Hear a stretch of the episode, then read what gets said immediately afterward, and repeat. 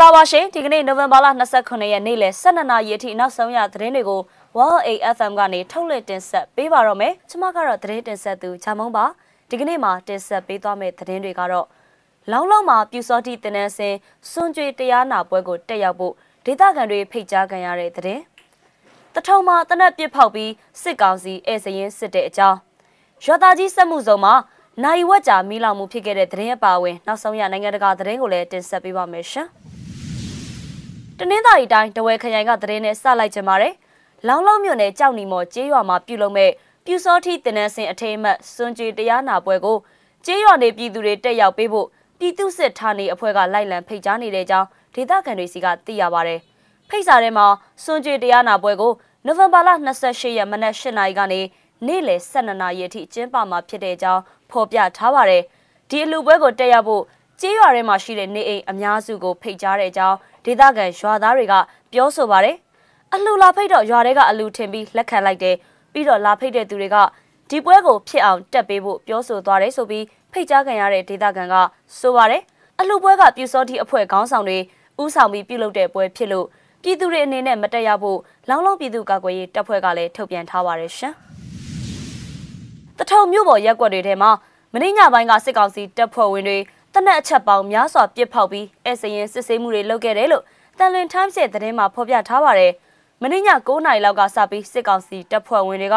မြို့ပေါ်ရက်ွက်တွေထဲကလမ်းတွေကိုဝင်းထွက်သွားလာပြီးတော့အဲစရင်စစ်ဆေးခဲ့တယ်လို့ဆိုပါတယ်။အဲစရင်စစ်ဆေးတဲ့ချိန်မှာလိုက်ပါလာတဲ့စစ်ကောင်စီတပ်ဖွဲ့ဝင်တွေကတနက်မိုးပေါ်ထောင်ပြီးပစ်ဖောက်တာတွေလုပ်ခဲ့တယ်လို့တထုံမြို့ပေါ်အခြေစိုက်စစ်ကောင်စီတပ်နဲ့ရဲစခန်းတွေဘက်ကနေလဲတနက်တွေပြစ်ဖောက်တာတွေရှိခဲ့တယ်လို့ဆိုပါတယ်။ ည9နာရီကျော်လောက်ကလေးကတနက်တန်တွေကြားနေရတာည7နာရီလောက်မှတိတ်သွားတယ်။တနက်ပြစ်တန်တွေကတစ်ချက်ချင်းပြစ်တာရှိတယ်လို့ဒရဇက်ပြစ်တန်တွေလည်းကြားရတယ်။တချို့နေရာတွေမှာဧည့်စရင်စစ်တာတွေလည်းရှိတယ်။စစ်ကောင်စီကအာဏာသိမ်းပြီးကလေးကအခုညကတော့အဆိုးဆုံးပါပဲ။ပြစ်တာကတော့မိုးပေါ်ထောင်ပြစ်တာမနေ့ကဘုံတွေဆက်လိုက်ကွဲတာနဲ့ပတ်သက်ပြီးလောက်တာလို့ထင်တာပဲလူထိခိုက်တာရှိမရှိဆိုတာတော့မသိရသေးဘူးလို့ဒေသခံတအုပ်ကတန်လင် Times ကိုပြောပြလာပါတယ်။ တထုံမြို့ပေါ်ရက်ကွက်တွေမှာနိုဝင်ဘာလ26ရက်နေ့မနက်အစောပိုင်းတုန်းကဘုံပေါက်ကွဲမှု9ကြိမ်ဆက်တိုက်ဖြစ်ပွားခဲ့တယ်လို့လည်းသိရပါတယ်ရှင်။ရန်ကုန်တိုင်းဒဂုံမြို့သစ်တောင်ပိုင်းကမိလာမှုတရင်ကိုဆက်ပြောပါမယ်။ရွာသားကြီးစက်မှုစုံစက်မှု17လမ်းမှာရှိတဲ့စက်ရုံတရုံ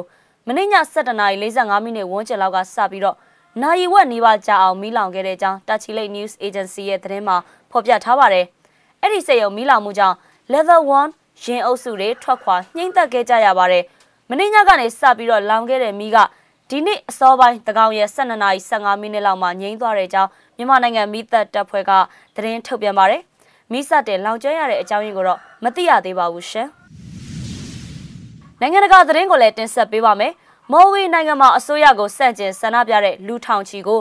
ရဲတွေကမျက်ရည်ယိုဘုံတွေနဲ့ဖြိုခွဲခဲ့ကြပါတယ်။အသေးစိတ်သတင်းကိုတော့ဆက်လက်ရှုစားပေးပါအောင်ရှင်။နိုဝင်ဘာလ26ရက်တောက်ကြနေ့ကမော်လဝီနိုင်ငံမှာ တမ်တလာဇရုချာကွီယာအစိုးရရဲ့အကျင့်ပြတ်ခြားစားမှုဆွေမျိုးကောင်းစားရေးဝါဒနဲ့လူနေစရိတ်ကြီးမြင့်လာမှုအပေါ်စန့်ကျင်ဆန္ဒပြတဲ့လူထောင်ချီကိုရဲတွေကမျက်ရည်ယိုဘုံတွေနဲ့ဖြိုခွဲခဲ့ကြပါတယ်။လွတ်တော်အမတ်ဟောင်းဘွန်ကလင်တိုဦးဆောင်တဲ့ဆန္ဒပြသူတထောင်ဟာကောင်စီရုံးတွေမှာလက်မှတ်ရေးထိုးတောင်းဆိုဖို့မြို့တော်လီလောင်ခွေကိုအသွားလမ်းခွက်လက်မှာပဲမျက်ရည်ယိုဘုံတွေနဲ့ဖြိုခွဲခံလိုက်ရတာဖြစ်ပါတယ်။ ဥပဒေနဲ့အညီစန့်ကျင်ဆန္ဒပြတာကိုရဲတွေရဲ့အခုလိုနှိမ်နှင်းလိုက်တဲ့အပေါ်ကလင်တိုကအပြင်းအထန်ဝေဖန်ခဲ့ပါတယ်။ချမှတ်ထားတဲ့ဒီမိုကရေစီစံနှုန်းတွေအရဒီလောက်ရက်ကရှက်ဖွယ်လေးလီပဲဆန္ဒဖော်ထုတ်ဖို့ကျွန်တော်တို့ကခွင့်ပြုချက်ယူထားပြီးသားဒါကိုတက်တက်မဲ့ဖြိုခွင်းတာလို့ကလင်တိုကဆိုပါတယ်။ဆန္ဒပြသူတွေဟာရွေးကောက်ပွဲအတွက်မဲဆွဲစဉ်ကဂတိကဝတ်တွေကိုအလေးထားဖို့အထူးသဖြင့်